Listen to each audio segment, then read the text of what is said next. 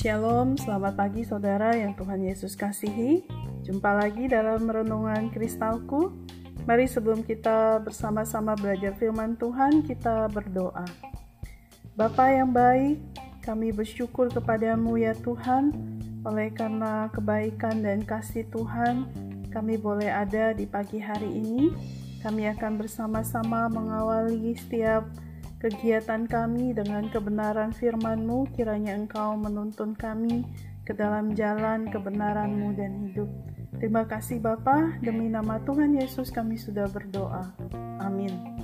Saudara pembacaan firman Tuhan pada hari ini dari Injil Matius pasalnya yang ke-18 ayat yang ke-15 hingga ayatnya yang ke-20.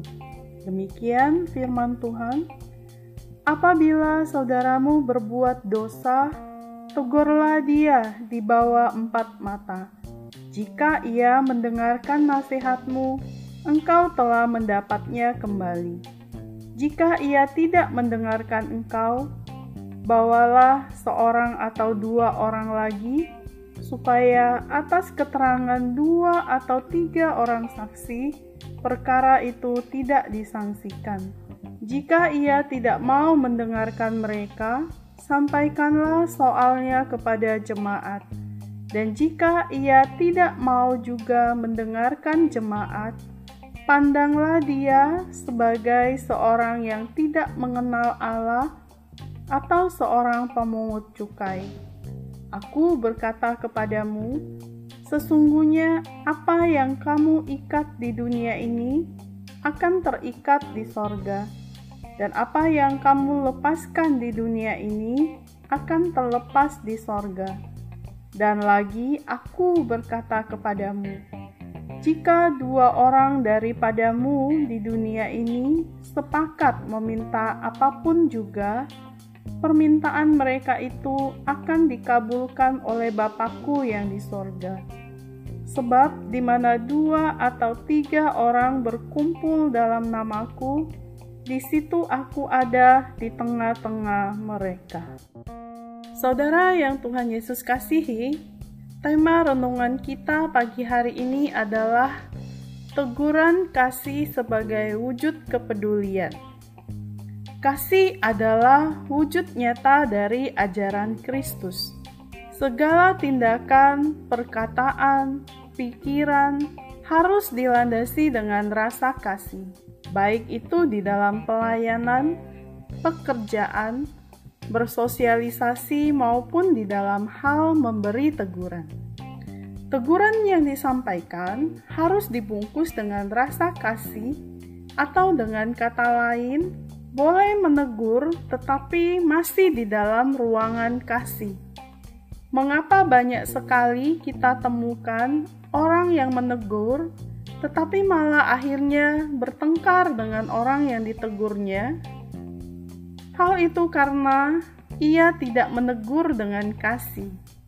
Hal yang sering dijumpai di dalam media sosial adalah banyak orang sangat mudah untuk menegur orang lain, namun teguran tersebut tidak didasarkan oleh kasih. Mereka menegur dengan salah dan malah cenderung meremehkan menganiaya, memojokkan, merendahkan martabat sesama dengan perkataan atau postingan yang tidak baik. Melalui Injil Matius pasal 18 ayat 15 sampai 20, kita diingatkan kembali mengenai cara yang baik menurut Tuhan Yesus ketika kita akan menegur seseorang. Pertama, kita harus menegur secara empat mata. Artinya, ada proses dialog antar pribadi supaya tidak menjadi batu sandungan bagi banyak orang dan orang yang ditegur tidak berkecil hati.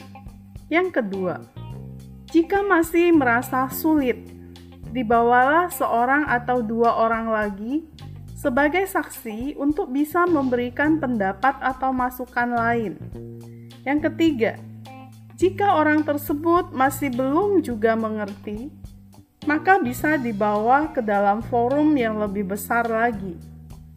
Sampaikanlah soalnya kepada jemaat, kata firman Tuhan. Yang keempat, ketika dirasa belum cukup dan memang dia orang yang ditegur itu tidak mau tahu atau bebal, pandanglah dia sebagai seorang yang tidak mengenal Allah atau seorang pemungut cukai. Saudara firman ini sebenarnya memberikan nasihat kepada dua pihak. Yang pertama, pihak yang ditegur supaya bisa menerima teguran dengan baik serta tidak melakukan kesalahan yang sama. Yang kedua, pihak yang menegur supaya dapat memberikan teguran berdasarkan pada kasih dengan tujuan membangun orang tersebut sebagai wujud sebuah kepedulian dan bukan ingin menjatuhkan atau menyingkirkan dia. Saudara ingatlah, jangan sampai kita mempunyai hubungan yang tidak baik dengan orang lain hanya karena kita tidak bisa menegur dengan kasih. Kiranya Tuhan menolong kita untuk boleh menjadi alat berkatnya.